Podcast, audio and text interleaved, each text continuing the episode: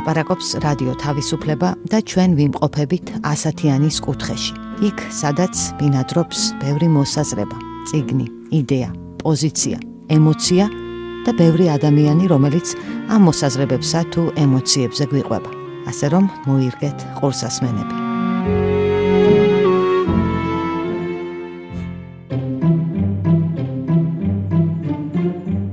სალამი, მე სალომე ასათიანი ვარ. თქვენ უსმენთ პოდკასტს ასათიანის კუთხე.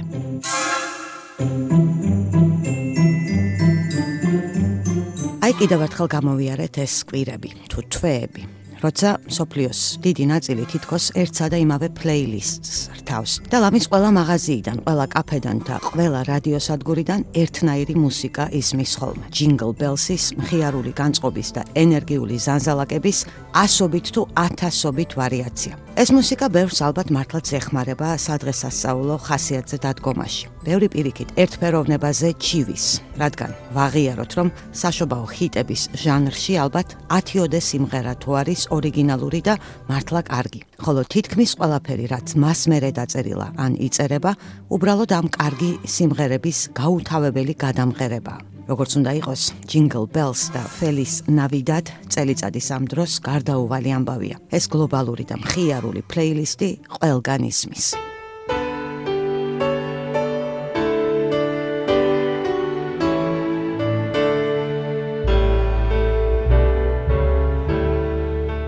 მე დეკემბერში ჩემი მუსიკალური თავშესაფარი მაქვს.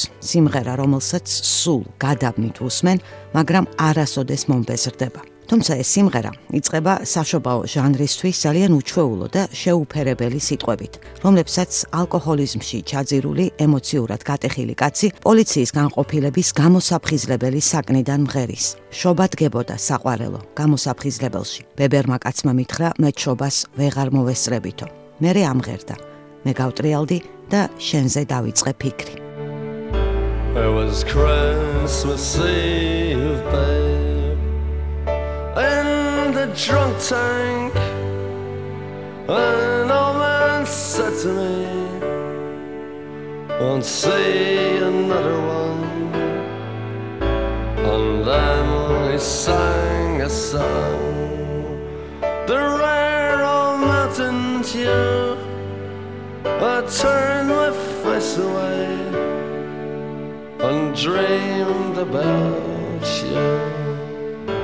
Got on a lucky ამ სიმღერას Fairy Tale of New York, ნიუ-იორკის ზღაპარი ჰქვია 1987 წელსაა ჩაწერილი და ეკუთვნის ლონდონელი ირლანდიელების ჯგუფს სახელად The Pogues. მე ის პირველად ინგლისში მოვისმინე სტუდენტობის დროს, რადგან შობის პერიოდში ბრიტანეთში ყველაზე ხშირად სწორედ ამ სიმღერას უკრავენ. Fairy Tale of New York იქ თითქმის ყველას უყვარს, როგორც სინგლი, ის მილიონობით ასლითაა გაყიდული. და ეს ხდება მიუხედავად იმისა, რომ ეს სიმღერა თავისი ტექსტით სადღესასწაულო მხიარულ განწყობას რადიკალურად არღვევს. გვიყვება ოცნებებზე, რომლებიც დიდი ხნის წინ დაიმსხვრა. ადამიანებზე, რომლებსაც ცხოვრებაში ხელი მწარედ მოეცარათ. Fairy Tale of New York ტრადიციული დუეტია. მას ქალი და კაცი მღერიან, მაგრამ ესაა გატეხილი წვილის დუეტი. ღარიბი ირლანდიელი ემიგრანტების, რომლებმაც უკეთესი მომავლის და წარმატების მოპოვების იმედით ახალგაზრდობაში ნიუ-იორკს მიაშურეს, მაგრამ ცხოვრება დაენგრათ, უსახლკაროდ დარჩნენ და დეკემბრის სუსხში ალკოჰოლით ცდილობენ დარდის გაქარვებას. საშობაო ჟრიამულით მოცული ნიუ-იორკი აქ ემიგრანტების პერსპექტივიდან წარმოგვიდგება. რითიც ეს სიმღერა თითქოს პატივს მიაგებს ყველას, ვინც ამ ქალაქში 250 წელიწადის განმავლობაში ჩადიოდა, იმედებით და ოცნებებით. ამიტომაც ეს სიმღერა დიალოგში შედის ცნობილ ფილმთან, რომელიც ასევე ნიუ-იორკზე, ემიგრანტებზე და ემიგრანტების შვილებზე და ოცნებების თუ იმედების გაცრუებაზე გვიყვება.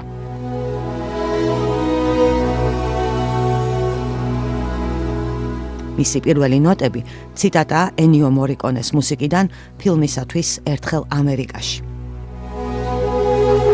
მეც შემეძლო რაღაცისთვის მიმეღწია. კი ეს ნებისმიერს შეეძლო. ღერიან ჯგუფის ფრონტმენი შეინ მაკგაუენი და ინგლისელი მომღერალი კირსტი მაკკოლი. მათი მანქანები ისეთი დიდია, როგორც ბარები. მათთან ოქროს მდინარეები ჩქებს, მაგრამ ძვლებში ქარი ატანს. ჩვენ აქ არ დაგვედგომება. ასეთია კიდევ ერთი ფრაზა ამ სიმღერიდან, რომელიც ყოველ ჯერზე მხდება გულზე. queen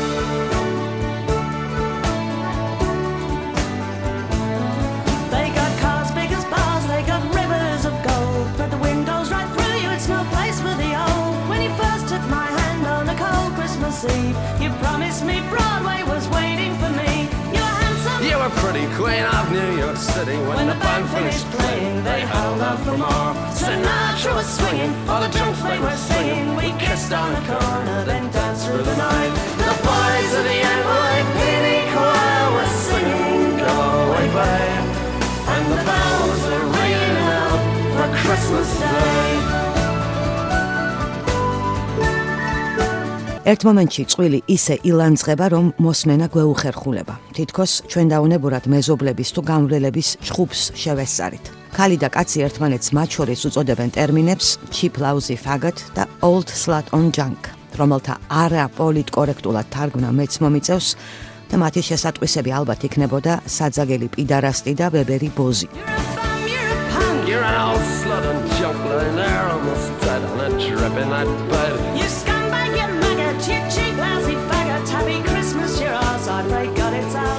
ამის გამო რადიო სადგურებმა რამდენიმე წლის წინ სიმღერა ცენზურას დაუქვემდებარეს და ეთერში ამ სიტყვების ჩახშობით გაუშვეს, რასაც პროტესტი მოხდა, მათ შორის ნიკ კეივის მხრიდან, რომელიც აცხადებდა სიტყვების შეცვლა ამ უდიდესი კულტურული ღირებულების არტეფაქტის დასახიჩრებაა.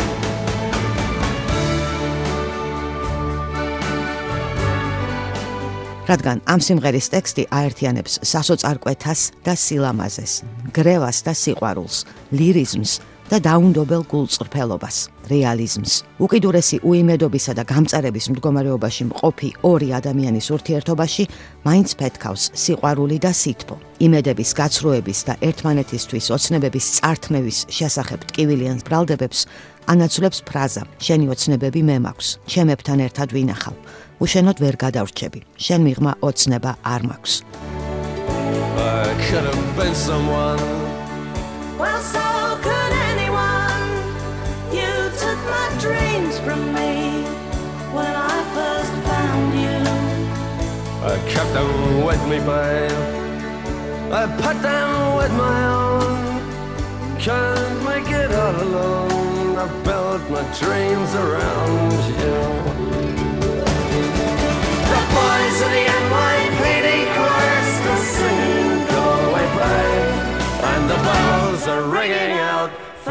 Christmas Day.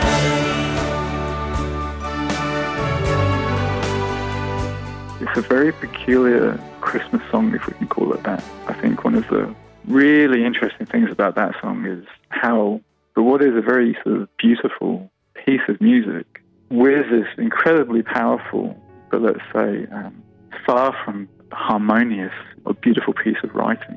Fairy Tale of New York ნამდვილად არის ძალიან უჩვეულო საშობაო სიმღერა. თუ კი საერთოდ შეიძლება ასეთად ჩაითვალოს. მე ეს სიმღერა უწინარესად სწორედ მისი ამ შინაგანი წინააღმდეგობით მიზიდავს. მელოდიური, მშვენიერი მუსიკით და ჰარმონიისგან ძალიან შორს მყოფი ტექსტით. რომლებიც რაღაცნაირად მაინც ერთიან შეკრულ სიმღერას თუ ხელოვნების ნიმუშს ქმნის. მუსიკით ვტკბებით, სიტყვებით კივილს დისკომფორტს გურის. და თან ამ სიმღერას აქვს მკვეთრი ხატოვნება, როცა მას უსმენ, თითქოს ხედავ ამ ორ ხელმოცარულ ადამიანს, ზამთრის ნიუ-იორკში მოხეტიალე გაწბილებულ შეყვარებულებს, ემიგრანტებს. Fairy Tale of New York არც ერთ მონაკვეთში არ ხდება მოსაწყენი. მას თავიდან ბოლომდე გატაცებით ენერგიით უსმენ. ამ სიმღერას ანალოგი არ მოეძებნება საშობაო სიმღერების რიგში. I can't think of a comparable let's call it Christmas song. გვეუბნება ასათიანის კუთხის სტუმარი ალექსანდერ ჰოუარდი, ინგლისური ენისა და ლიტერატურის პროფესორი სიდნეის უნივერსიტეტში. And the bridges, the embankments and cuts They blasted and dug with their sweat and their guts Fairy Tale of New York ჯგუფ The Pogues-ის ფრონტმენმა და ვოკალისტმა შეინ მაკაუენმა დაწერა გიტარისტთან და ბანჯოისტთან, ჯემ ფაინერთან ერთად. და ასათიანის კუთხის ეს ეპიზოდი სწორედ შეინ მაკაუენს ეწუნება. ლონდონელ ირლანდიელ მუსიკოსს, პოეტს, ჩემს ერთ-ერთ უსაყვარლეს ხელოვანს, რომელიც ახლახან 2023 წლის 30 ნოემბერს გარდაიცვალა, 65 წლის ასაკში. Navigator, navigator, rise up and be strong. The morning is here and there's work to be done. შეინ მაგაუენს ირლანდიაში და ბრიტანეთში საკულტო ფიგურის თუ საერთოდაც ლეგენდის სტატუსი აქვს. ირლანდიის ქალაქების, ისევე როგორც ლონდონის ქუჩები, მისი სიკვდილის შესახებ ცნობის გავრცელებისთანავე გაივსო ხალხით.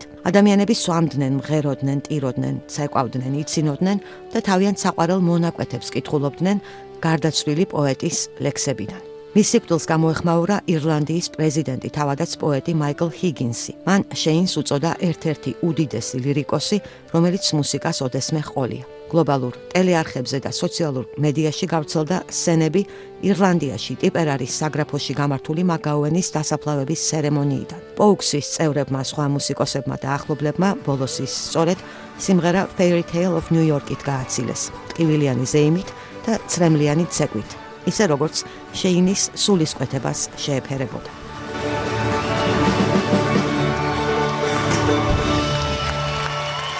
მეორე დღიდან ნეკროლოგებით და გამოსამშვიდობებელი წერილებით გადაივსო პრესაც. შეშლილი კელტი გენიოსი, აუთსაიდერი, რომელიც ირლანდიის საყვარელი შვილი გახდა. მაგაუენმა ქაოსი, ტკივილი და დაკარგულობა გაბედულად გადააქცია ლირიკულ სილამაზედ. წერდნენ წამყვანი ინგლისურენოვანი გამოცემების ჟურნალისტები. ყველა აღნიშნავდა, რომ მაგაუენმა 1980-იანი წლების მუსიკაში გააკეთა მანამდე აბსოლუტურად წარმოუდგენელი რამ. პანკ როკს, ანუ ზედმიწევნით урბანულ, მოდერნულ, ავანგარდულ, მეამბოხე და ტრადიციების უგულებელ მყოფელ მოძრაობას შეუხამა სწორედაც ტრადიცია.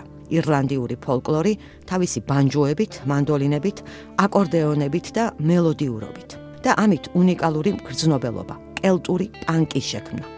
მიზანი ამბობდა მაკაუენი იმის ჩვენება იყო რომ პოუქსის მუსიკას ღრმა ფესვები და ხანგრძლივი ისტორია ჰქონდა მაგრამ თან ცოცხალი სიბრაზით და უკომპრომისობით იყო დამუხტული. მაკაუენის პოეზიაც და მუსიკაც საზრდოობდა ირლანდიური მითოლოგიით ისტორიით ბრიტანეთთან დაპირისპირებაში ჩამოყალიბებული ნაციონალიზმით და ირლანდიური ლიტერატურის ტრადიციით. მისი ჯგუფის პოუქსის მემკვიდრეობას ზოგჯერ ჯოისისეულ პანკსაც კი უწოდებენ ხოლმე. რაც მიემართება არაიმდენად ჯეიმს ჯოისის ტექსტების სირთულესა და ექსპერიმენტულობას, რამდენადაც ზოგად გრძნობელობას თუ ეთოსს.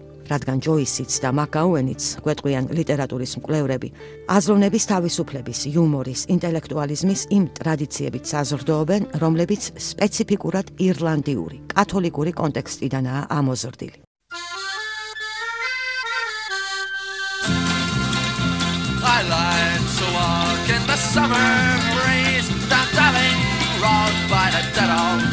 ჯეიმს ჯოისი პოუქსმა თავისიანად თავიდანვე შერაცხა. უკვე მაშინ, როცა მაკაუენი და მისი მეგობრები ჯგუფისთვის სახელს ირჩევდნენ.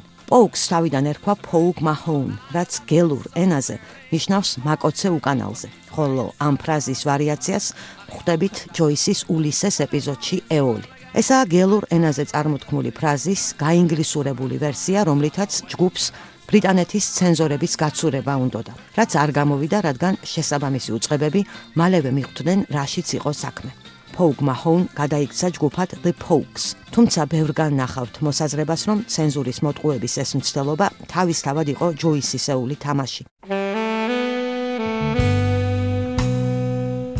მაგრამ მაგაუენი და მისი ბენდი მხოლოდ ირლანდიური ან მხოლოდ ირლანდიელების არ არის. ის გლობალური მასშტაბის ჯგუფია რომელიც დიალოგში შედის ინგლისურ, ამერიკულ, ესპანურ, თურქულ, ბერძნულ მუსიკასთან მაილს დევისის, კოულ პორტერის, როლინგ სტოუნსის მემკვიდრეობასთან ევროპული ლიტერატურის ტრადიციასთან. I am Francisco Vasquez Garcia. I am welcome to Almeria And we are singers and can let you. We are fiesta პოუქსის ერთგული მსმენელი მთელს სოფლიოშია გაბნეული და ისინი უწინარესად ის ხალხია, ვინც თავს ბოლომდე სახლში არასდროს გრძნობს. ან ფიზიკურადაა ემიგრაციაში, ან ემოციურადაა დისტანცირებული თავისი გარემოდან. და ვინც თავისი კულტურის, წარმომავლობის თუ წარსულის მიმართ ერთდროულად ატარებს სენტიმენტალურ სიყვარულსაც და ძაფრ ირონიასაც.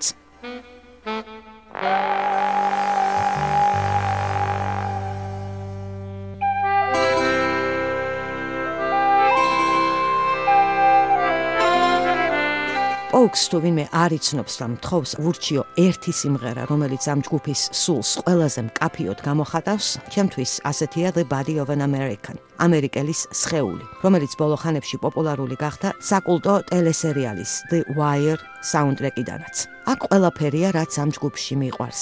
გონება מחვილური, ნაღვლიანი ტექსტი და მარტივი, გადამდებად ენერგიული მუსიკა, რომელიც ისიერად ქმნის ირლანდიის პაბების ატმოსფეროს.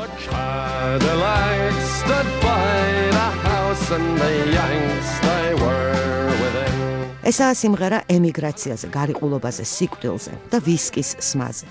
სახლზე, რომელსაც სამუდამოდ ტოვებ. სიყვარულზე, რომელსაც უიმედოდ კარგავ. მოქმედება ირლანდიაში ვითარდება, ტრადიციულ პანაშვიდზე, სადაც სანათესაო ვისკით თრება და გარდაცვლილის განვლილ ცხოვრებას იხსენებს. და ჩვენც თითქოს მართლაც ჯოისისეული ეთოსით მკვდარი კაცის შესახებ ამ ფრაგმენტული ფრაზებით ვიქმნით წარმოდგენას. 15 minutes later we had our first taste of whiskey. There was uncles giving lectures on ancient Irish history. ვიგებთ რომ თავის დროზე ის ემიგრაციაში წასულა ამერიკაში რომ როგორც ირლანდიელს იქ თავის დამკვიდრებისთვის ბევრი და ხშირად ფიზიკური ბრძოლა უწევდა.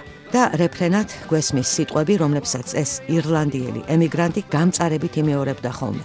მე თავისუფალი ამერიკელი კაცი ვარ I'm a freeborn man of the USA. I'm a freeborn man of the USA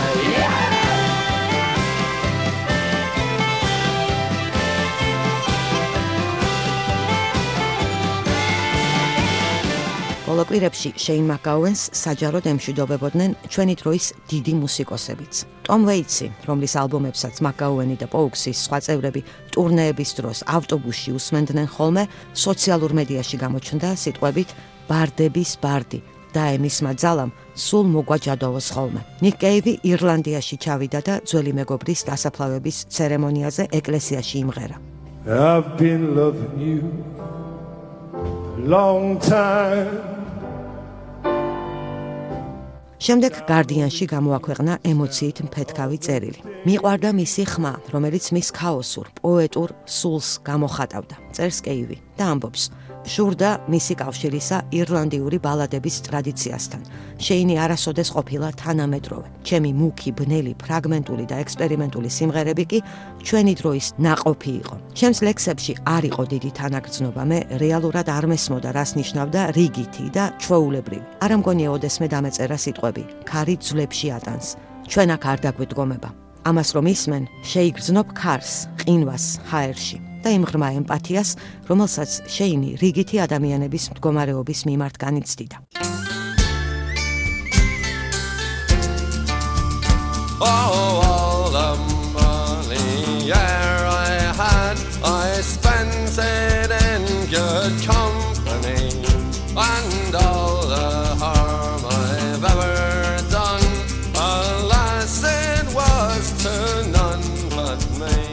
ჟურნალისტები ბევრს ლაპარაკობდნენ მაკაუენის პირად პრობლემებზეც, მის ალკოჰოლიზმზე, ადიქციაზე, ემოციურ და ფიზიკურ სირთულეებზე, დეპრესიულ პერიოდებზე და აუცილებლად მის ნაკლულ, როგორც ხალხურად ვამბობთ ხოლმე, გამოხრულ კბილებზე. მაკაუენი დიდხანს აცხადებდა უარს სტომატოლოგთან მისვლაზე და შოუ ბიზნესის ბზინვარე სამყაროს ჯიუტად აგებებდა თავის უშუალო გულღია და ცოტა დამზაფრელ ღიმილს. კბილები მან ცხოვრების ბოლო წლებში ჩაისვა, მათ შორის ერთი და დიდი ოქროსი. იხსენებდა, საბერძნეთში ჩავდიოდი, იქაურ მეთევზეებთან ერთად ვსვამდი და მომწონდა მათ გაფუჭებულ კბილებში ერთი ოქროსი რომ კიაფობდა, როგორც მათი ერთადერთი სიმდიდრის დემონსტრირებაო. მაკაუენისთვის კბილების ჩასმის ხანგრძლივ პროცესს ექიმებმა სტომატოლოგიის ევერესტი უწოდეს.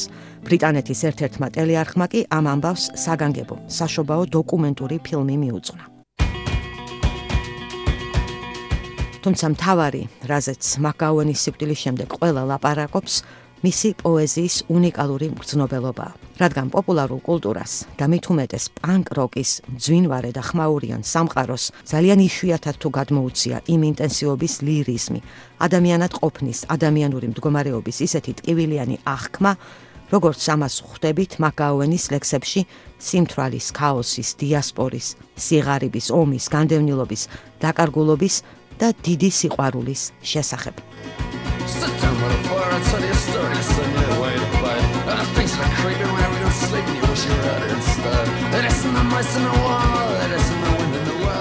I do think quite unique depths of kind of lyrical prowess, sort of actually to really embrace the lyric, you know, as a literary device is something that Gupi the Pogues უნიკალური რამდენიმე თვალსაზრისითაა. ამ ჯგუფზე ხშირად მოისმენთ, რომ მათ ირლანდიური ტრადიციული მუსიკა პანკის სულისკვეთებას შეუხამეს, მაგრამ ჯგუფს The Pogues თავის ტექსტებში აქვს საოცარი ლირიკული სიღრმე. ხოლო ტექსტისთვის, როგორც ლიტერატურული ფორმისთვის, ასეთი მნიშვნელობის მინიჭება ნამდვილად არ ახასიათებდა პირველი თაობის პანკ ჯგუფებს და მათ ემბლემატურ კომპოზიციებს. ტექსტობრივი თვალსაზრისით, პანკი როგორც სუბკულტურა, როგორც განაცხადი, გამიზნულად ცნობიერად ნეგატიურია. შეინ მაგგაუენის ტექსტები კი ამისგან ძალიან განსხვავდება. მე ინგლისური ენის და ლიტერატურის ლექტორი ვარ და ამიტომაც ამ ჯგუფის ეს მახასიათებელი ყოველთვის მიზიდავდა. that's one of the things I've always been really attracted to as a teacher of English. გვეუბნება ალექსანდრ ჰოუარდი.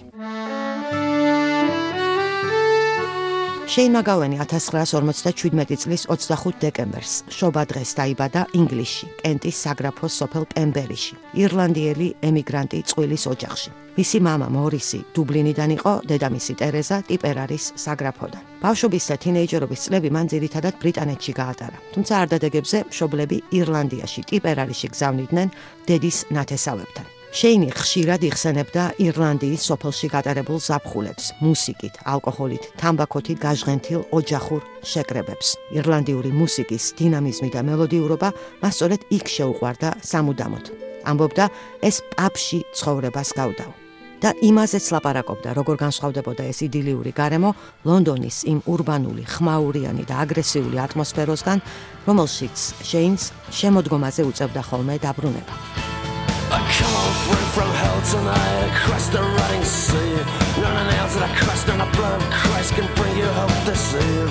That don't come to claim it that მაგაონისთვის თანდათან ცხადი ხდებოდა რომ ის ბოლომდე არც ერთ ცივცეს არ ეკუთვნოდა. ბოლომდე ჩვენიანად არსად აღიქვამდნენ.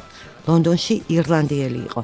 ირლანდიაში კი მაინც ინგლისიდან ჩასული და უფრო ინგლისური აქცენტით მოლაპარაკე კაცი. და პანკის სამყაროც მას ალბათ სწორედ ამიტომ მოევლინა თავშესაფრად. გვეუბნება ასათიანის კუთხის კიდევ ერთი სტუმარი, ირლანდიისა და ბრიტანეთის იმპერიის ისტორიის მკვლევარი და ჟურნალისტი, შუა ტენესის უნივერსიტეტის პროფესორი მარკ Doyle. After a, a, very difficult childhood and teenage years when he was kind of a bit of an outcast, he was beaten up, he was bullied, partly because of his Irishness, partly because of, I think, just the way he behaved and the way he looked. And so punk kind of gave him an identity. შენ მაგაუენს რთული ბავშვობა და მოზარდობა ჰქონდა გამოვლილი.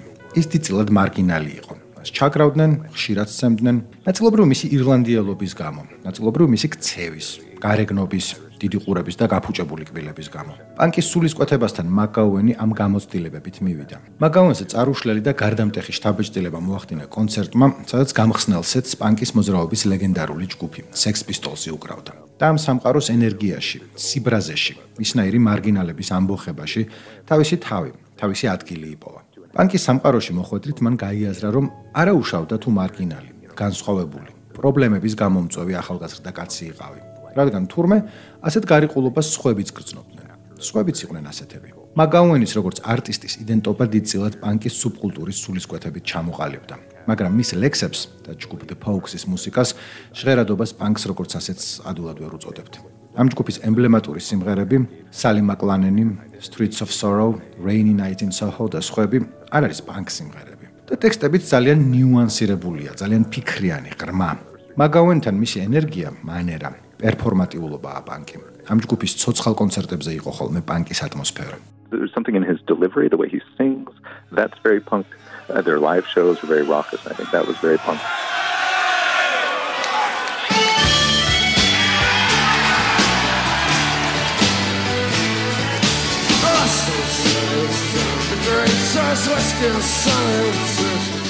ოუქსის ცოცხალი კონცერტები ლეგენდარულია. როგორც ლონდონელი ირლანდიელების და პანკების ერთობლივი ლამის ალქიმიური რიტუალები.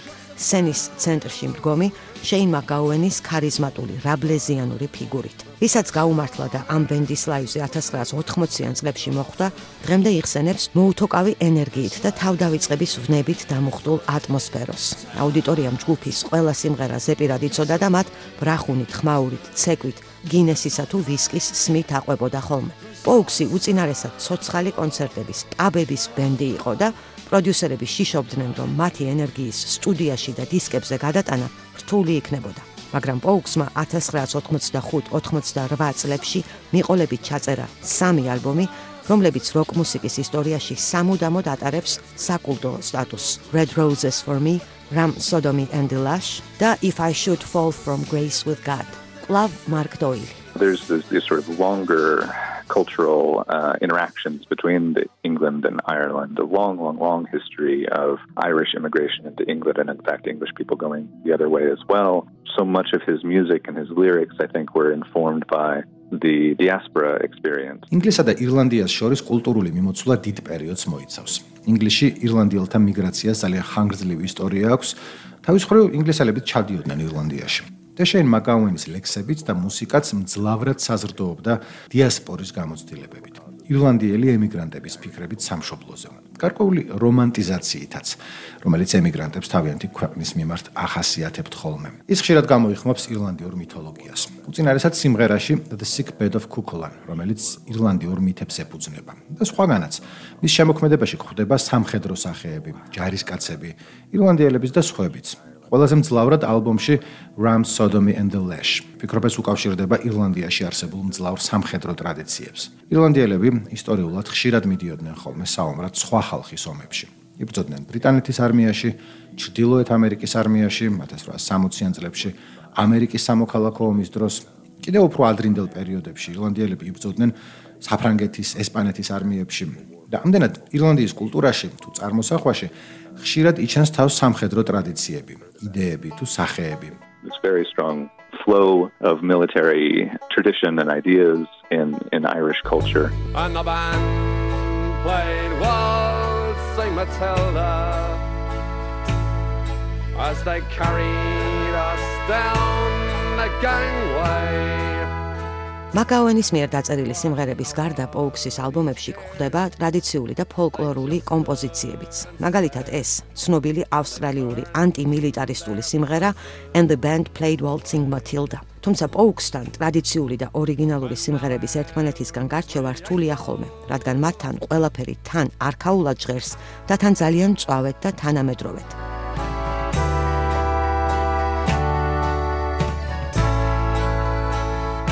And the band played waltzing Matilda Oakstan გადაიქცა დასაფლავების მარშის მსგავს 8 წუთიან ძიმე კომპოზიციად ომით დასახიჩრებული სხეულების შესახებ შეინის ტკივილიანი ხმით ნამღერი და უიწყარი ფრაზით უფეხოები, უხელოები, ბრმები, შეშლილები.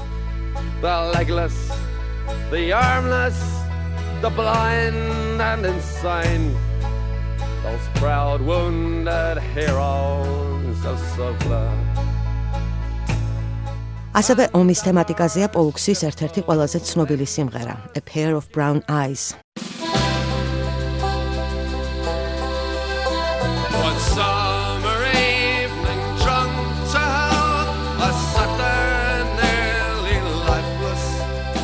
შეინ მაკაუენის მიერ დაწერილი მძიმე ვალსი ორ უცხო კაცზე ომით დასახიჩრებულ ვეტერანზე და ტექსტის მთხრობელზე, რომლებიც ერთმანეთს შემთხვევით გაიცნობენ ფაფში. ჯოჯოხეთურად დათვრებიან და საერთოდ ტკივილი, დაკარგული თაფლის ფერთვალება შეყარებული აღმოაჩნდებათ. There was no pair of brown eyes waiting for me. A rope and a rope and a rope and I'll go for a pair of brown eyes.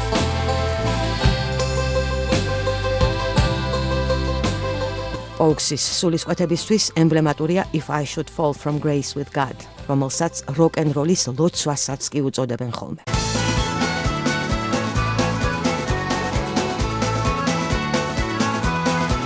Rush of far progress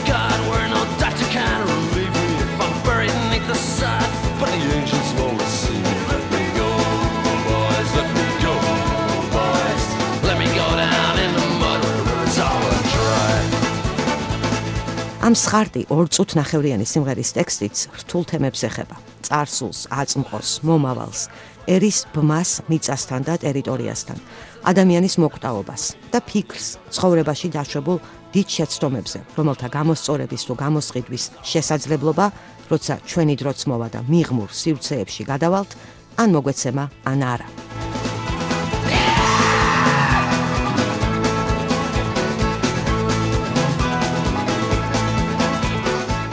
1988 წელს პოუქსი ბრიტანეთის ოფიციალური ცენზურის სამიზნე გახდა. ჯგუფი ტელეგადაცემაში უკრავდა სიმღერას Streets of Sorrow Birmingham 6, როცა ეთერიდან გათიშეს და ამ სიმღერის საჯაროდ შესრულება აუკრძალეს. Oh farewell streets of sorrow And farewell you streets of pain ეს ის პერიოდია, როცა ბრიტანეთი მღელვარებით და ძალადობითაა მოცული. ჩრდილოეთ ირლანდიაში ერთმანეთს უპირისპირდებიან ბრიტანეთის შემადგენლობაში დარჩენის მოსურნე პროტესტანტები და კათოლიკე ნაციონალისტები, რომლებსაც ბრიტანეთისგან გამოყოფა და ირლანდიის რესპუბლიკასთან გაერთიანება სურთ. ამ კონფლიქტს პარტიზანულ ომად აცხადებს ირლანდიის რესპუბლიკური არმია IRA. ხდება შეტაკებები და აფეთქებები. ხელვარებას 3600-მდე ადამიანის სიცოცხლე შეეწირა, სანამ 1998 წელს ხელშეკრულების გაფორმებით დასრულდებოდა.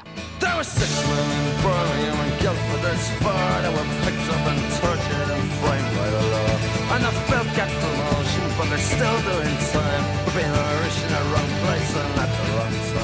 თავისი სიმღერით მაკაუენმა დაიცვა ირლანდიელები, რომლებიც ინგლისის ქალაქების ფაბებში აფეთქებების მოწყობის ბრალდებებით იყვნენ პატიმრობაში. როგორც შემდეგ გაირკვა უდანაშაულოდ. ხანგრძლივი პატიმრობის შემდეგ ეს ადამიანები გამართლდნენ და შეინ მაკაუენს პირადად გადაუხადეს მადლობა მხარდაჭერისთვის. მათი საქმეები კი დღეს ბრიტანეთის მართლმსაჯულების სისტემის ისტორიის შავ ლაქადაა მიჩნეული.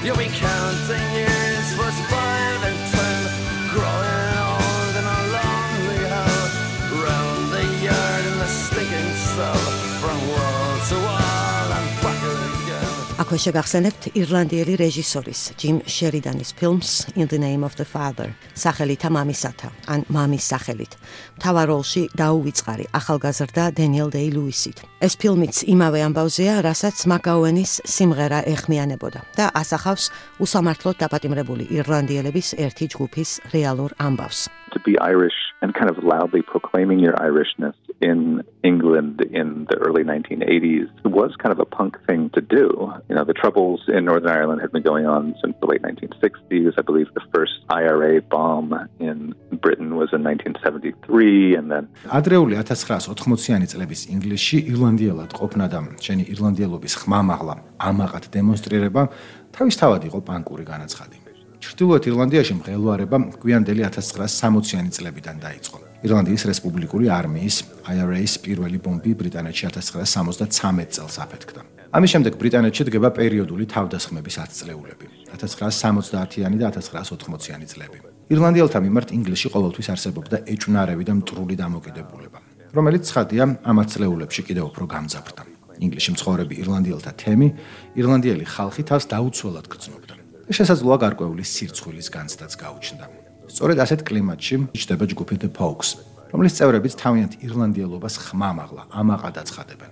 მათი სიმღერების ტექსტები, როგორც წესი, ღიად პოლიტიკური შინაარსის არ იყო, თუმცა მაგაუენის მიერ დაწერილ სიმღერებთან ერთად ეს ჯგუფი ირლანდიელი მეამბოხეების ტრადიციულ სიმღერებსაც ასრულებდა კონცერტებზე. რაც ცხადია პოლიტიკური აქტი იყო. მაგაუენი ძლიერად უჭერდა მხარს ირლანდიელთა პოლიტიკურ ბრძოლებს, რესპუბლიკურ ნაციონალისტურ კამპანიას. შესაძლოა უფრო მძლავრადაც კი, ვიდრე საკუთრივ ირლანდიაში მცხოვრები ხალხი. გვიანდელ 1970-იან და ადრეულ 1980-იან წლებში შეინ მაგაუენი გახდა IRA-ის დიდი მხარდამჭერი. თუმცა მე ვუშვებ იმის ალბათობასაც, რომ მას არ ჰქონდა სიღრმისეულად გაცნობიერებული, მაინც რას აკეთებდა IRA იმ დროს.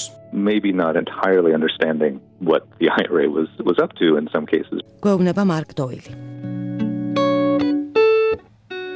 ირლანდიის საყვარელ ეროვნული მნიშვნელობის პოეტად აღიარებამდე შეინ მაკაუენს რთული და ხანგრძლივი გზა ჰქონდა გავლილი. ერთ-ერთი პირველი აღიარება პოუქსმა 1987 წელს მოიპოვა. მათი მუსიკალური მამები, ირლანდიური ფოლკის ლეგენდარული ჯგუფი The Dubliners, ახალ დისკს წერდა და პოუქსი მიიწვია. სხვადასხვა თაობის ამ ორი ჯგუფის თანამშრომლობიდან შემოგრჩა მათ შორის ბრწყინვალე ვერსია სიმღერისა Irish Rover. Turned nine times around and the poor old dog was drowned. And the last of the Irish rover. მაგრამ თავიდან შეინსაც და პოუკსაც ირლანდიაში ბევრი კრიტიკოსი ყავდათ. მათთვის, ვისაც პანკროკი ჭეშმარიტად პანკის ჟღერადობით უყვარდა, პოუქსი ზედმეტად ირლანდიური იყო და არ ესადაგებოდა ავთენტურ პანკს. ხოლო მათთვის, ვისაც სურდა ირლანდიური მუსიკა ჭეშმარიტად ირლანდიური ყოფილიყო, პოუქსის წევრები იყვნენ აბსურდულად ინგლისელები, ვიღაც უცხოები, ტრანსგრესიული პარაზიტები, რომლებიც თავის დამკვიდრებას ირლანდიელობის стереოტიპული სახეებით ცდილობდნენ. წერს იელის უნივერსიტეტის პროფესორი, ირლანდიის ისტორიის ერთ-ერთი ყველაზე ავტორიტეტიანი სწავლული, ჯო კლირლი თავის შესანიშნავ წერილში შეინ მაგაუენის პოეზიის შესახებ.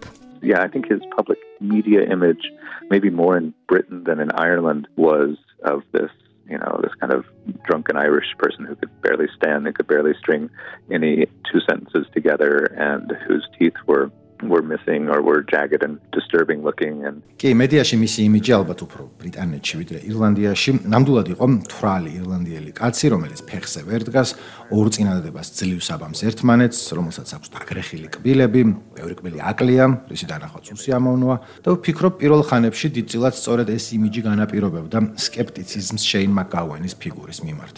იმიტომ რომ ირლანდიაში საზოგადოებას სწორედ ამ იმიჯის თავიდან მოშორება სურდა თვრალი მოჭყუბარი შარიანი ირლანდიელის. ისი კარიკატურული სახეც შეინ მაკაუენი გახდა ბრიტანეთის მედიაში. ეს ირლანდიელებს ძალიან არ მოსწონდათ. მაგრამ თანდათან ხალხისთვის ცხადი გახდა, რომ მაკაუენის და ფოუქსის სახით საქმე ჰქონდა ძალიან გამორჩეული. ღრმა, ღირებულ შემოქმედებასთან და სიმღერებთან. ფოუქსი სხვა ირლანდიელმა მუსიკოსებმაც დააფასეს და აღიარეს. YouTube-მაც და სხვებმაც. და ბოლოს ირლანდიამ შეინ მაკაუენი შეიყვარა. ის მიიღო დიდ ეროვნულ პოეტად. მიუხედავად იმისა, რომ მაკაუენი კაცრი გაგებით ამ ერის ციახში არ გაზრდილა. that he became embraced by Ireland and, and really accepted as as a great poet of the nation even though you know he wasn't technically you know brought up in the, in the nation. გვეუბნება მარკ დოილი და მის შეფასებას ალექსანდრ ჰოუარდიც იზიარებს. The way that the pogues were dressed and McGowan was clear on this, sort of wanted the band to be presented as kind of quote unquote typical or traditional sort of Irish paddies. So white shirts, black suits, short haircut. ნიშნულოვანია მათი ჩაცმის სტილიც. მაგგაუენი ამასაც ცნობიერად აკეთებდა. ამაზე ღიად ლაპარაკობდა, რომ სურდა მის ბენდს წარმოედგინა ირლანდიელების ასე ვთქვათ ტიპური თუ ტრადიციული სახე. ის ირლანდიელები, რომლებსაც დამამცირებლად უწოდებდნენ ტერმინს Irish Paddy. თეთრი პერანგები, შავი პიჯაკები, მოკლე შეჭრილი თმა. და ამ სახის განსახიერება თავისთავად იყო ჯგუფის პერფორმატიული იმიჯის პოლიტიკური განზომილება. Political gesture into that kind of performative aspect of the group.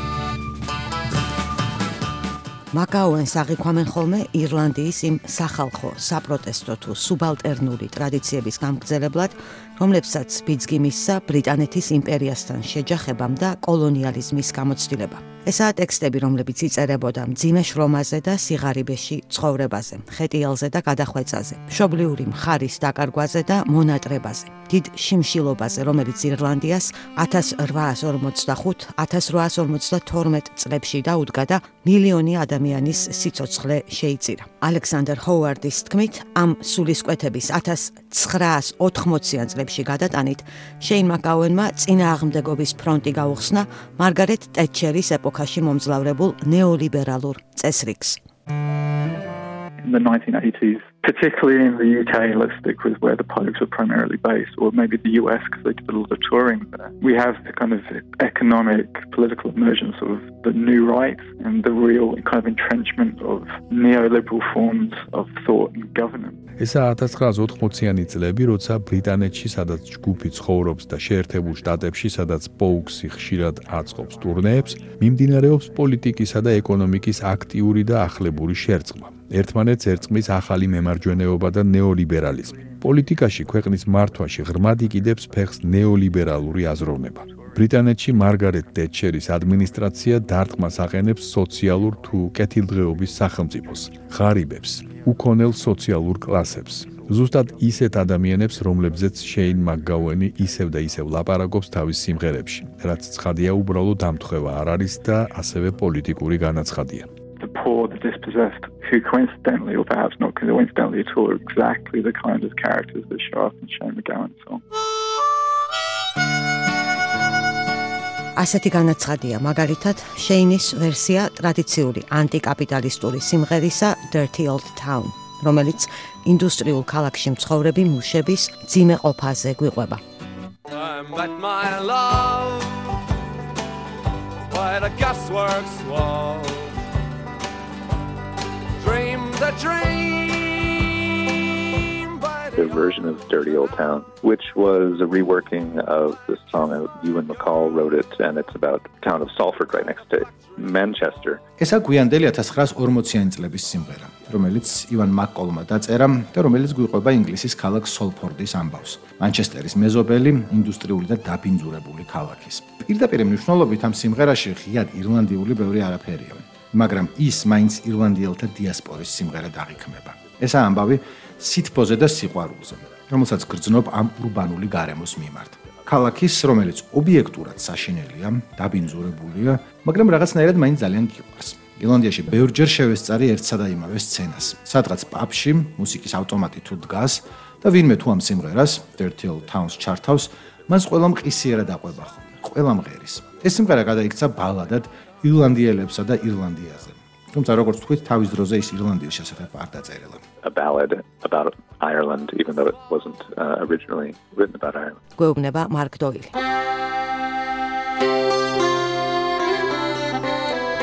მაგრამ თავად მაკაუენი მუშათა კლასს არ ეკუთვნოდა. ის ცოტა სხვა, უფრო კომფორტული გარემოდან, საშუალო კლასიდან იყო. მამამისი უნივერმაღში მუშაობდა და ოჯახი მეტნაკლებად კარგად ცხოვრობდა. შეინი პატარა ასაკიდან ეცნობოდა მაღალ კულტურასაც. მამამას მუდმივად ამარაგებდა ციგნებით და შეინიც უკვე 11 წლის ასაკში კითხულობდა სტეინბეკის ბრისხანების მტევნებს და დოსტოევსკის რომანს ეშმაკნი. ცოტა მოგვიანებით სარტრს, თომას მანს, გიუნტერ გრას და ცხადია ირლანდიელ ავტორებს, პლან ობრაიანს, ბრენდან ბიენს და ჯეიმს ჯოის, რომელიც მისი დედმამის საყვარელი ავტორი იყო. Love of literature of all different stripes really is there from the get-go. მას თავიდანვე მოხვება სიყვარული ლიტერატურის ყველა ფორმის თუ ჟანრის მიმართ. მისი ბიოგრაფები აღწერენ ერთ სცენას, როცა შეინს მამამისი მორისი ეუბნება, რომ გაიზრდები ალბათ წერალი გამოხვალო. მაგრამ შეინი უპასუხებს: "არა, მე მუსიკოსი ვიქნები. ჩემს სათქმელს ასე გამოვხადავ, რადგან მუსიკის და სიტყვების გაერთიანებით მეტ ადამიანს მივწვდებიო." You'll be a writer and and like, no, I want, I'm going to be a musician. I'm going to do it that way because I can get my message, if you like, out to more people if I bring music and lyrics or music and words together. قول نبع Howard. შეინის მშობლებს იმის საშუალებაც ჰქონდათ, რომ შვილი ძვირადღირებულ სკოლაში შეეყვანათ, სადაც მასწავლებლები პატარა შეინს მისი ასაკისთვის უჩვეულოდ განვითარებულ და გონიერ მოსწავლედ მიიჩნევდნენ.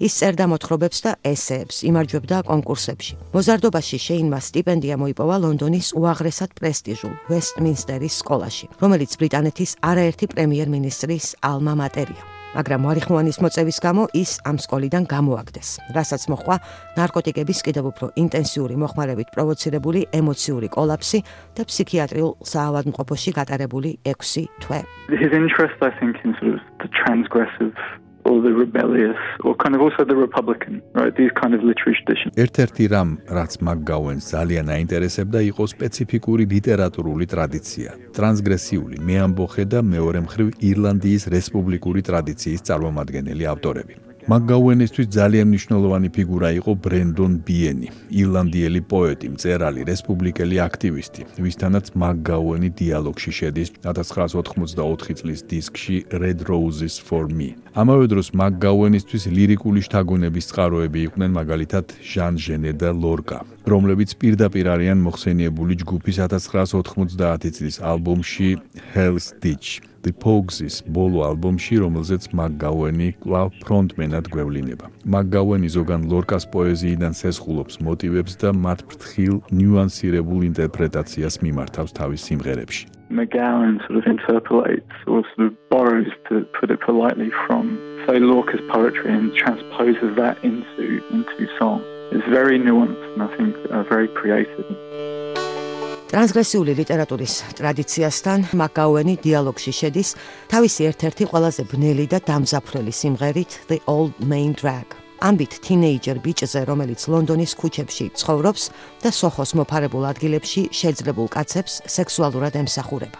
When I first came to London, I was only 16. With a fiver in my pocket and my old dancing bag.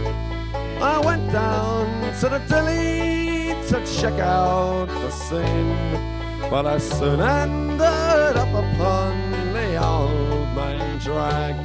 ეს სიმღერა ერთნაირად იწყება და მთავრდება აკორდეონის ერთი მონოტონური ნოტით, რომელიც არ ვითარდება და დიდხანს გრძელდება. მეძავი ბიჭი აქ პირველ პირში გველაპარაკება, ცოცხალი ხატოვნებით და თან რაღაცნაირი გულგრილობით და დისტანციით აღწერს ქუჩებში განცდილ ძალადობას, ცემას, დასახიჩრებას, დამცირებას, გაუპატიურებას. ამ დისტანციური სიმძაფრის გამო ამ სიმღერას ბრეხტის და ვაილის ბალადებსაც ადარებენ ხოლმე. ლონდონის შაუბნელი სივრცეების დეტალური აღწერა კი ზოგს იმასაც აფიქრებინებს, რომ შეინი აქ რაღაც ფორმით თავის პირად გამოცდილებაზე ლაპარაკობს. როგორც უნდა იყოს the old main drag რჩება ადამიანის სასოწარკვეთის ერთ-ერთ ყველაზე შემზარავ ამოძახილად რაც კი ოდესმე მოგვისმენია როგორც ფოლკის ისე როკ მუსიკის ისტორიაში. And now I am lying here. I have had too much booze I've been spat on and shut on and raped and abused. I know that I am dying and I wish I could beg for some money to take me from the old main drag.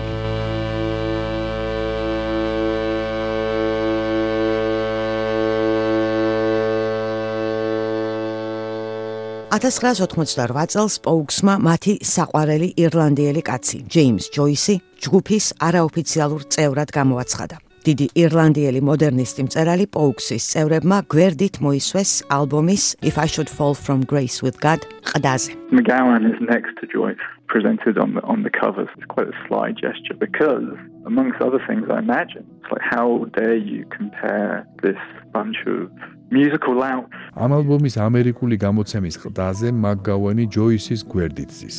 რაც ძალიან ეშმაკური ჟესტია. ფიქრობ, მაგაუენმა კარგად იცოდა, რომ ეს ჟესტი გულისწყრომას გამოიწვევდა, რომ აუცილებლად იტყოდნენ, როგორ ბედავს ეს რაღაც მუსიკალური ხმაურის ჯგუფი ჯოისის გამოსახვას თავისი ალბომის ყდაზეო. ბევრს ავიწყდება, რომ თავის დროზე ჯოისი იყო ჭეშმარიტად ტრანსგრესიული, რადიკალური ფიგურა, რომელსაც ბევრი სირთულე შეხვდა თავისი ხელოვნებისთვის. როცა ჯოისზე დღეს ვლაპარაკობთ, ამით აუცილებლად გამოვიხმობთ მაღალ მოდერნიზმს, როგორც ჟანრს და ჯოისის ულისეს, როგორც ამგვარი ლიტერატურის ემბლემატურ ტექსტს. მაგრამ კულტურის ისტორიკოსები მე-20 საუკუნის ადრეული აწრეულების მაღალ მოდერნიზმში და მის მემკვიდრეობაში სხვა ასპექტებს, სხვა ენერგიას, დღეს უკვე დიდწილად დაფარულ, მიჩქმალულ კავშირებს თუ პარალელებს ხედავენ. ავანგარდი, რომელსაც ლიტერატურაში ვხვდებით, თავისი სულისკვეთებით, რევოლუციურობით, ენერგიით, შესაძლოა პანკის სუბკულტურასაც მიემართოს მუსიკაში. აქ ლაპარაკია სპეციფიკურ ენერგიაზე, რომელიც საერთოა ჯოისის და შეინ მაკგაუენის მემკვიდრეობისთვის.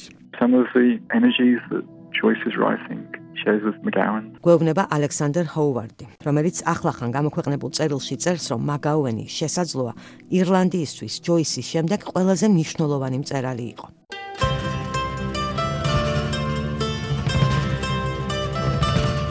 ჯოისისეული ენერგიითაა დამუხტული სიმღერა The Sick Bed of Cuchulainn, რომელშიც მაკაუენი პერსონაჟად ირჩევს შუა საუკუნეების ირლანდიური მითოლოგიის ერთ-ერთ მთავარ გმირს, კუხულინს, სახელოვან მებრძოლს, ნახევრად ღმერთს. მე-20 საუკუნის ირლანდიისთვის კუხულინი იყო პოსტკოლონიური იდენტობის სიმბოლო. ის ერთ-ერთი ცენტრალური სახეა უილიამ ბატლერ იეიტსის პოეზიაში. დუბლინში მომაკვდავი კუხულინის ძეგლი იმ ადგილას დადგეს, სადაც 1916 წელს სიკვდილით დასაჯეს ბრიტანეთის მართლობის წინააღმდეგ აჯანყებული ირლანდიელი რესპუბლიკელები. შეინ მაკაუენი კი ამ უდიდეს გმირს გადააქცევს რიგით ირლანდიელ კაცად. დაახლოებით ისეთივედ, როგორც ულისეს ჩოულებრივი ოდისევსი, ლეოპოლდ ბლუმია. McGowan, in one of his best modes, the technique is almost like uh, I don't want to call it montage, but it's that splicing together of let's call it the traditional and the new. როცა საუკეთესო ფორმაშია მაგგაუენს როგორც მწერალს უბადლო ტექნიკა აქვს. ამას ალბათ მონტაჟს ვერ ვუწოდებთ, მაგრამ ის ძალიან უჩვეულოდ და დინამიკურად უკავშირებს ერთმანეთს ტრადიციულსა და ახალს. და ამის მკაფიო მაგალითია სიმღერა The Sick Bed of Cuchulainn. მაგგაუენი აქ იღებს ძალიან ნაცნობ ნიშნულოვან მითოლოგიურ ფიგურას და მას უაღრესად თანამედროვე კონტექსტში სვამს. და ეს თავისთავად არის ძალიან ჯოისისეული ჟესტი. That is a very Joycean gesture. That is a modernist gesture, modernistული ჟესტი, ზოგადად. Yes, it is a, it's a modernist gesture, but it's a modernist gesture that we tend to associate with Joyce. დიახ, მოდერნისტული ჟესტი, რომელსაც ჯოისს ვუკავშირებთ. ულისე, როგორც რომანი ეფუძნება კავშირს მითოლოგიურთან, თუმცა ვითარდება იმ დროის დუბლინში. და ანალოგიურ რაღაცას აკეთებს მაგგაუენიც. ფიქრობ ის ცნობიერად გამოიხმობდა დიდი ლიტერატურის, ჯოისისეულ მოდერნისტულ ტენდენციებს და ისინი თავისი მუსიკის კონტექსტში გადაჰქონდა. He is drawing on those Joycean slash modernistic tendencies that we see in that great literature. When you pissed yourself in Frankfurt and got sifted in Cologne, and you heard the rattling death trains as you lay there all alone. Frank Ryan bought you whiskey in a brothel in Madrid, and you take some fucking black shirt who was cursing all the yids. And a sick bit of Coot Cullen, well, kneel and say a prayer. ამ სიმღერაში მითოლოგიური კუხულინი მოხეტიალე კაცია. ხან გერმანიაში ჩადის, ხან ესპანეთში, ხან ინგლისში. ბოლოს კვლავ ირლანდიაში ბრუნდება და ყოველი სტროფის ბოლოს მას სასიკვდილო სარეცელზე ვხედავთ. ზოგჯერ თავთან ანგელოზიუზის, ფეხებთან დემონები, სასმელის ბოთლებით ხელში. მაკაუენი კელტურ მითოლოგიას მატებს ანტიფაშისტურ მუხტს. ამ სიმღერაში ჩაგვესმის ნაცისტების საკონცენტრაციო ბანაკებისკენ მიმავალი მატარებლების ხმა. სამოქალაქო ომის პერიოდის ესპანეთის ანტისემიტური ფაშიზმის ექო. სიმღერის ფინალში კუხულინი კვდება. ბოლოს სტროფში მას დაასაფლავებენ, მაგრამ მიწიდან თავს ისევ წამოყოფს და მოითხოვს ერთიც დამისხითო. Better take you to Cook Briar and shove you in the ground. We'll stick your head back out and shut, we'll have another round. At the side of Cook Cullen, we'll kneel around and cry. Is heaven, and Billy's down by the bay. 1990 წელს პოუქსმა გამოუშვა ალბომი Hell's Ditch, უკანასკნელი დისკი, რომელზეც შეინ მაკაუენი ფრონტმენად გვევლინება. Lost a bitch, then you die black hell. Hell stretch, ეს ალბათ ყველაზე განსხვავებული ალბომია ჯგუფის დისკოგრაფიაში. ტრადიციულ ირლანდიურ ჟღერადობას აქ ანაცვლებს უფრო გამრავალფეროვნებული ფოლკ-როკი, ბერძნული, ესპანური, აზიური მუსიკის ელემენტებით.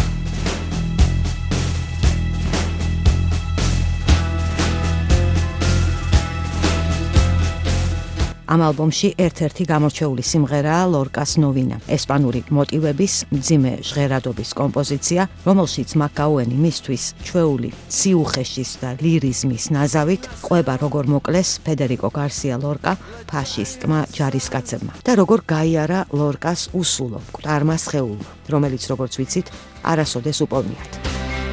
Mother of all the joys, mother of all the songs. It's a sea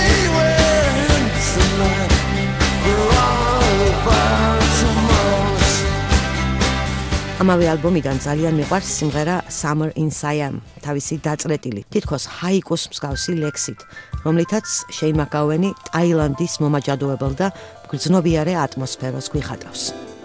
When it's summer in Siam and the moon is full of rainbows. When it's summer in Siam, then we go through many changes. მაგრამ ალბომ Hell's Ditch-ზე მუშაობის პერიოდიდან შეინის ემოციური და ფიზიკური მდგომარეობა უარესდებოდა. ალკოჰოლზე და ჰალუცინოგენებზე დამოკიდებულების გამწვავების გამო მას ზოგჯერ მუშაობა აღარ შეეძლო. მაკაუენმა ვერ შეძლო გამგზავრება ბობ დილანის ტურნეზე, სადაც პოუქსი გამხსნელ ბენდად იყო მიწვეული, როგორც ამბობენ, თავად დილანის სურვილით. შეინი ისე დათვრა, რომ თვითფრინავში არ შეუშვეს. ტურნეში ჯგუფმა მის გარეშე დაუკრა, თუმცა შეინის არ ყოფნა თავად დილანმა რამდენად შეამჩნია ეს არავინ იცის. ერთ დღამეს ბენდის წევრებმა მაკაუენი შიშველი ნახეს, მას სხეული მწვანედ ჰქონდა შეღებილი და ინტენსიური ჰალუცინაციები ჰქონდა. ამ ღამიდან მალე იაპონიაში ტურნეს დროს პოუქსის წევრებმა მტკივნეული გადაწყვეტილება მიიღეს და თავიანთ ქარიზმატულ ფრონტმენს ბენდის დატოვება სთხოვეს. 2000 წელს მაკაუენი ჰეროინის ზემოქმედების ქვეშ კოლაფსის მდგომარეობაში შინეიდ ოკონორმა იპოვა და მეგობრის გადარჩენის მიზნით პოლიციაში დარეკა. რის შემდეგაც შეინი კლინიკაში მოხვდა და ამბობდა, რომ ჰეროინის მოხმარება შეწყვიტა.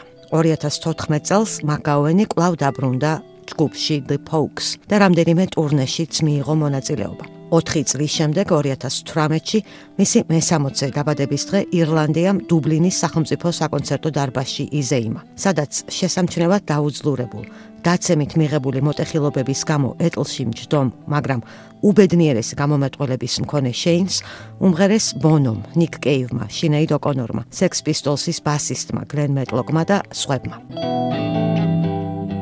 სიცოცხლის ბოლო ხანებში შეინი სიფხიზლეში ცხოვრებას ცდილობდა და როგორც მისი ცხოვრების თანამგზავრი და ბოლოს ცოლი ვიქტორია მერი კლარკი მედიას ატყობინებდა ხოლმე ამას დროდადრო ახერხებდა კიდეც მაგრამ ადიქცია და მასთან ბრძოლა შეინის იმიჯისგან განუყოფელი დარჩა. მაგაუენის ნეკროლოგში ჟურნალ ნიუ-იორკერის ავტორმა ისიც კი აღნიშნა საოცარია რომ მან 65 წლის ასაკს მიაღწია That's one of the big puzzled about him. It wasn't exactly an urge towards self-destruction because, you know, everybody who knew him talks about how much he loved life and wanted to live. ესა შეინ მაკაუენის ფიგურასთან დაკავშირებული ერთ-ერთი იდუმალება. ეს არ ყოფილა თვითგანადგურების უნება. მაკაუენს ვინც იცნობდა, ყველა ამბობდა, რომ მას სიცოცხლე ძალიან უყვარდა და სურდა. ძნელი სათქმელია მაინც რა იწევდა მასში ასეთ ინტენსიურ მიდრეკილებას ალკოჰოლის თუ ნარკოტიკების მიმართ. შესაძლოა ეს მომდინარეობდა ბავშვობიდან, ირლანდიაში გატარებული დროიდან. შეინი ზრდასრულობაში იხსენებდა, რომ სმა 6 წლის ასაკში დაიწყო, როცა ირლანდიაში ნათესავები აძლევდნენ სასმელს. და ვფიქრობ, მისი ადიქცია ნიუთიერებებზე ძლიერი დამოკიდებულება განუყოფელია მისი ხელოვნებისგან. And dependency on substances, I think that is inextricable from his art, from his image. გვეუბნება მარკ დოილი და განაგწობს. I don't know like in what state of intoxication or not he would have been in when he was writing these lyrics. ცხადი არ ვიცი ინტოქსიკაციის რომელ სტადიაზე იყო ხოლმე მაკაუენი როცა ამ საოცარ ლექსებს წერდა. შესაძლოა ის უფრო დეპრესიულ პერიოდებში წერდა, შუალედურ პერიოდებში ინტენსიური თრობის დღეებს შორის. შეიძლება თავის ხელოვნებას მაკაუენი უშუალოდ მძაფრი თრობის დროს ქმნიდა. მის ცხოვრებაში ეს ფაზები ერთმანეთს ენაცვლებოდა, ერთმანეთს კვებავდა. და ხელოვნების ისტორიას თუ გადავხედავთ, ეს არც თუ იშვიათი ამბავია. ისტორიას ახსოვს ბევრი მწერალი, რომელიც ცხოვრობდა მოუთოკავი, ექსტრემალური ცხოვრებით და თან ქმნიდა შვენიერ ემოციურ ნატიფ ლიტერატურას. ცოტა ხნის წინ დავამთავრე ავსტრიელი ებრაელი მწერლის იოზეფ როთის ბიოგრაფია, როთი 1920-იან და 30-იან წლებში წერდა, ისიც ძლიერად იყო დამოკიდებული ალკოჰოლზე. და ეს ადიქცია უფრო და უფრო უღრმავდებოდა ცხოვრების განმავლობაში. რაღაც ეტაპიდან მას ბევრი თვალსაზრისით ფუნქციონირებაც კი აღარ შეეძლო. მაგრამ როგორღაც მაინც ახერხებდა თავისი საოცარი, სიღრმისეული და ელეგანტური რომანების წერას. ამის მაგალითია დილან ტომასიც. ისიც ექსტრემალური ცხოვრებით, თრობით ცხოვრობდა და თან ქმნიდა უდიდესი სინაზის და სიღრმის ლიტერატურას. Dylan Thomas also comes to mind as somebody who lived that kind of wild life but still managed to produce work of great tenderness and insight. აი სინაზე კი შეინ მაკაუენთან მართლაც უკიდეგანო და უბოდიშოა. ყველაზე მძაფრად მის შედევრში A Rainy Night in Soho. ეს არის სრულყოფილი სიმღერა, ატმოსფერული მელანქოლიური მედიტაცია წვიმიან ლონდონზე, დიდ და დაკარგულ სიყვარულზე და ემოციურ ჭრილობაზე, რომელიც ვიცით რომ არასოდეს შეგვიხორცდება. მე შენ ძალიან დიდ ხანს მიყვარდი. თელი ის წლები და ის დღეები. მე დავტიროდი შენს ყველა ტკივილს და შენს ყველა უმნიშვნელო ხუმრობაზე მეღიმებოდ. ასე იწყება ამ სიმღერის ტექსტი, რომლის თარგმანში დახმარება კვლავ ზვიად რატიანს ვთხოვე, პოეტს, თარგმნელს და ასათიანის ხუთხის ვეტერან მეგობარს. I've been loving you a long time Down all the years down all the days and I've cried for all your troubles. Smile at your funny little ways. We watched our friends grow up together. A Rainy Night in Soho გვიყვება ბავშვობის მეგობრებზე, რომლებიც ერთად იზრდებიან, ცხოვრება ზოგს წილად, ჯოჯოხეთს არგუნებს, ზოგსაც სამოთხეს. Some of them fell into heaven. Some of them fell into hell. როდესაც თავს ხმას გაურბოდი, შენს პყავებში ვიმალებოდი. სოხოს წვიმიან ღამეებში ქარისტვენ და მთელი მისი მომხიბლაობით. I took shelter from a shower And I stepped into your arms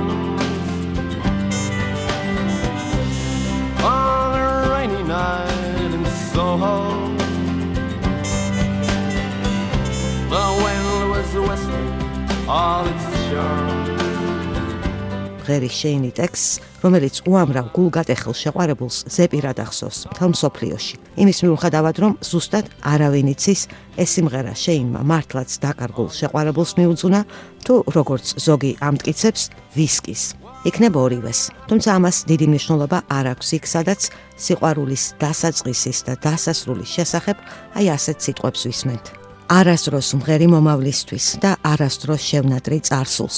არ ულაპარაკობ რა იყო თავიდან და არ ვფიქრობ რა მოხდა ბოლოს. I'm not singing for the future.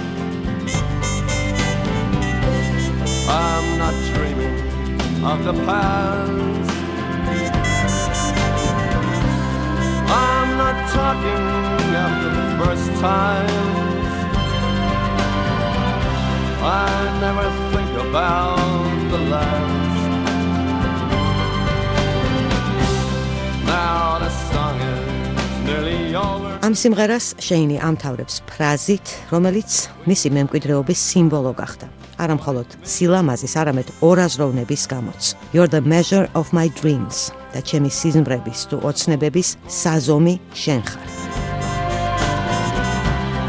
You're the measure of my dreams, the measure of my dreams. ბევრს სწორედ ეს სიტყვა საზომი, measure აფიქრებინებს, რომ მაკაუენმა ეს სიმღერა ალკოჰოლს მიუძღვნა და სიზმრების თუ ზმანებების საზომში გულისხმობს ჭიქას, რომლითაც ბარმენები ვისკის რაოდენობას ზომავენ ხოლმე.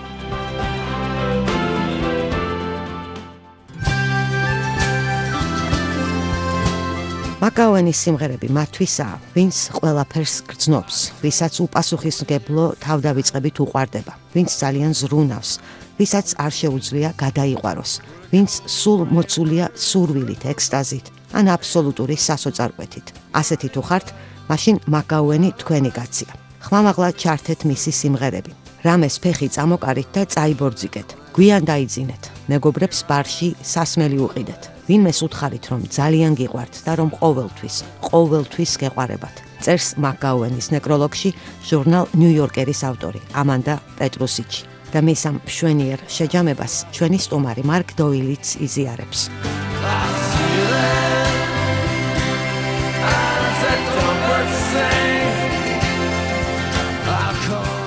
Whether you're Irish or not, there's this sort of, I don't know, a longing, uh, a longing for home, maybe a certain nostalgia, a, a feeling of being far away from the places that you love. არა აქვს მნიშვნელობა ირლანდიელი ხარ თუ არა. ადამიანებს ზოგადად გვახასიათებს მონატრებალ ტოლვა, ნოსტალგია, სახლის შინყოფნის, სადღაც დაბრუნების მიმართ. განცდა რომ ძალიან შორს ხარ იმ ადგილებიდან და მომენტებიდან, რომლებიც გიყვარს, გენატრება და სადაც დაბრუნება გინდა. იქნება ეს შენი ბავშვობა, თუ რაიმე კონკრეტული გეოგრაფიული ადგილი. Fairy Tale of New York არის ნიუ-იორკზე. ის გვიყვება ნიუ-იორკში ჩასული ხელმოწარული ირლანდიელების ამბავს და ამ თემატიკას თუ ემოციას შეინ მაკაუენის ბევრ სხვა სიმღერაში წხვდებით. Thousands are sailing ეხება ირლანდიის დატოვებას და სხვა ქვეყნებში გამგზავრებას.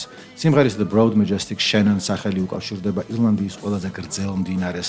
და როგორც მაკაუენი ამბობდა, გვიყვება ამბავს ირლანდიელ კაცზე, რომელიც შინ ტიპერარიში ბრუნდება და აღმოაჩენს, რომ იქ ყველაფერი შეცვლილია. ყველაფერი სხვაა. რომ სახლი, რომელიც უყვარს დაენატრება, აღარ არსებობს. შენ მაგაუენის ფერფლი სწორედ ამ არეალში მიმოაბნიეს. I think that's what his his ashes were scattered. And the next time I see you, we're down at the Greeks. There'll be whiskey and Sunday and tears in our cheeks. We're stupid to laugh and it's useless to bob. But Rusty's in Cannon and all. დღეს ამით გემშვიდობებით. ტექსტის რედაქტირებისთვის დიდ მადლობას ვუხდი ბიძინა რამიშვილს. ეპიზოდის გახმოვანებისთვის მას და ნიკო ნერგაძეს. მადლობას გიხდით თქვენს ყურადღებისთვის და მოსმენისთვის. სიყვარულს და სიმშვიდეს გისურვებთ 2024 წელს. მალე ისევ შევხვდებით ასათიანის კუთხეში.